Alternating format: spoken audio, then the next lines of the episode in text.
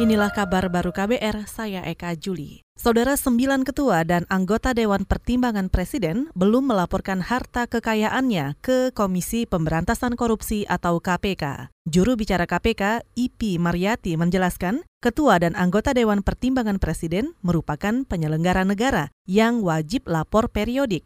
KPK mengimbau agar para penyelenggara negara patuh melaporkan harta kekayaannya dengan jujur. Dan yang ketiga, jadi terkait uh, sekali lagi kepatuhan LHKPN tidak hanya kepatuhan yang kami uh, dorong, kami juga mengingatkan para penyelenggara negara untuk bisa melaporkan uh, hartanya secara uh, benar, jujur dan lengkap.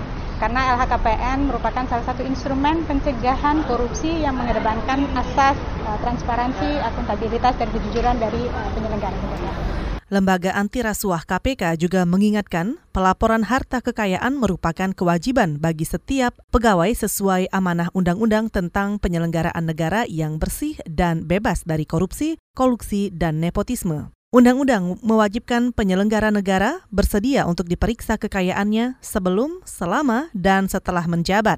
Juga wajib melaporkan dan mengumumkan kekayaannya sebelum dan setelah menjabat.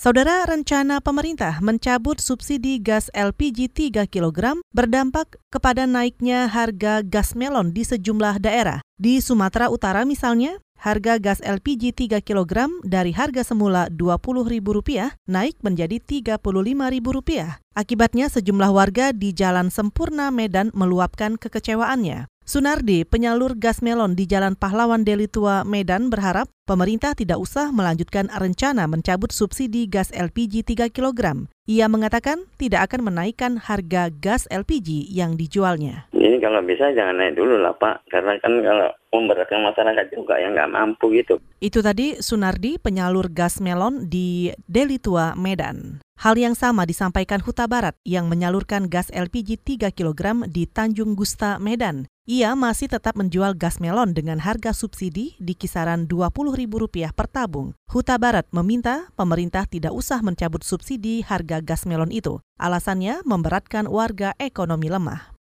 Kita ke bursa saham. Nilai tukar rupiah bergerak melemah pada pembukaan transaksi pagi ini. Rupiah yang diperdagangkan antar bank di Jakarta melemah 27 poin atau 0,20 persen menjadi 13.685 rupiah per dolar Amerika dibanding posisi sebelumnya yakni 14.658. Pada Selasa sore, kurs rupiah juga ditutup melemah 30 poin atau 0,22 persen di level 13.669 per dolar Amerika dibanding hari sebelumnya yang ada di angka 13.639. Kondisi ini diakibatkan revisi proyeksi ekonomi global Dana Moneter Internasional.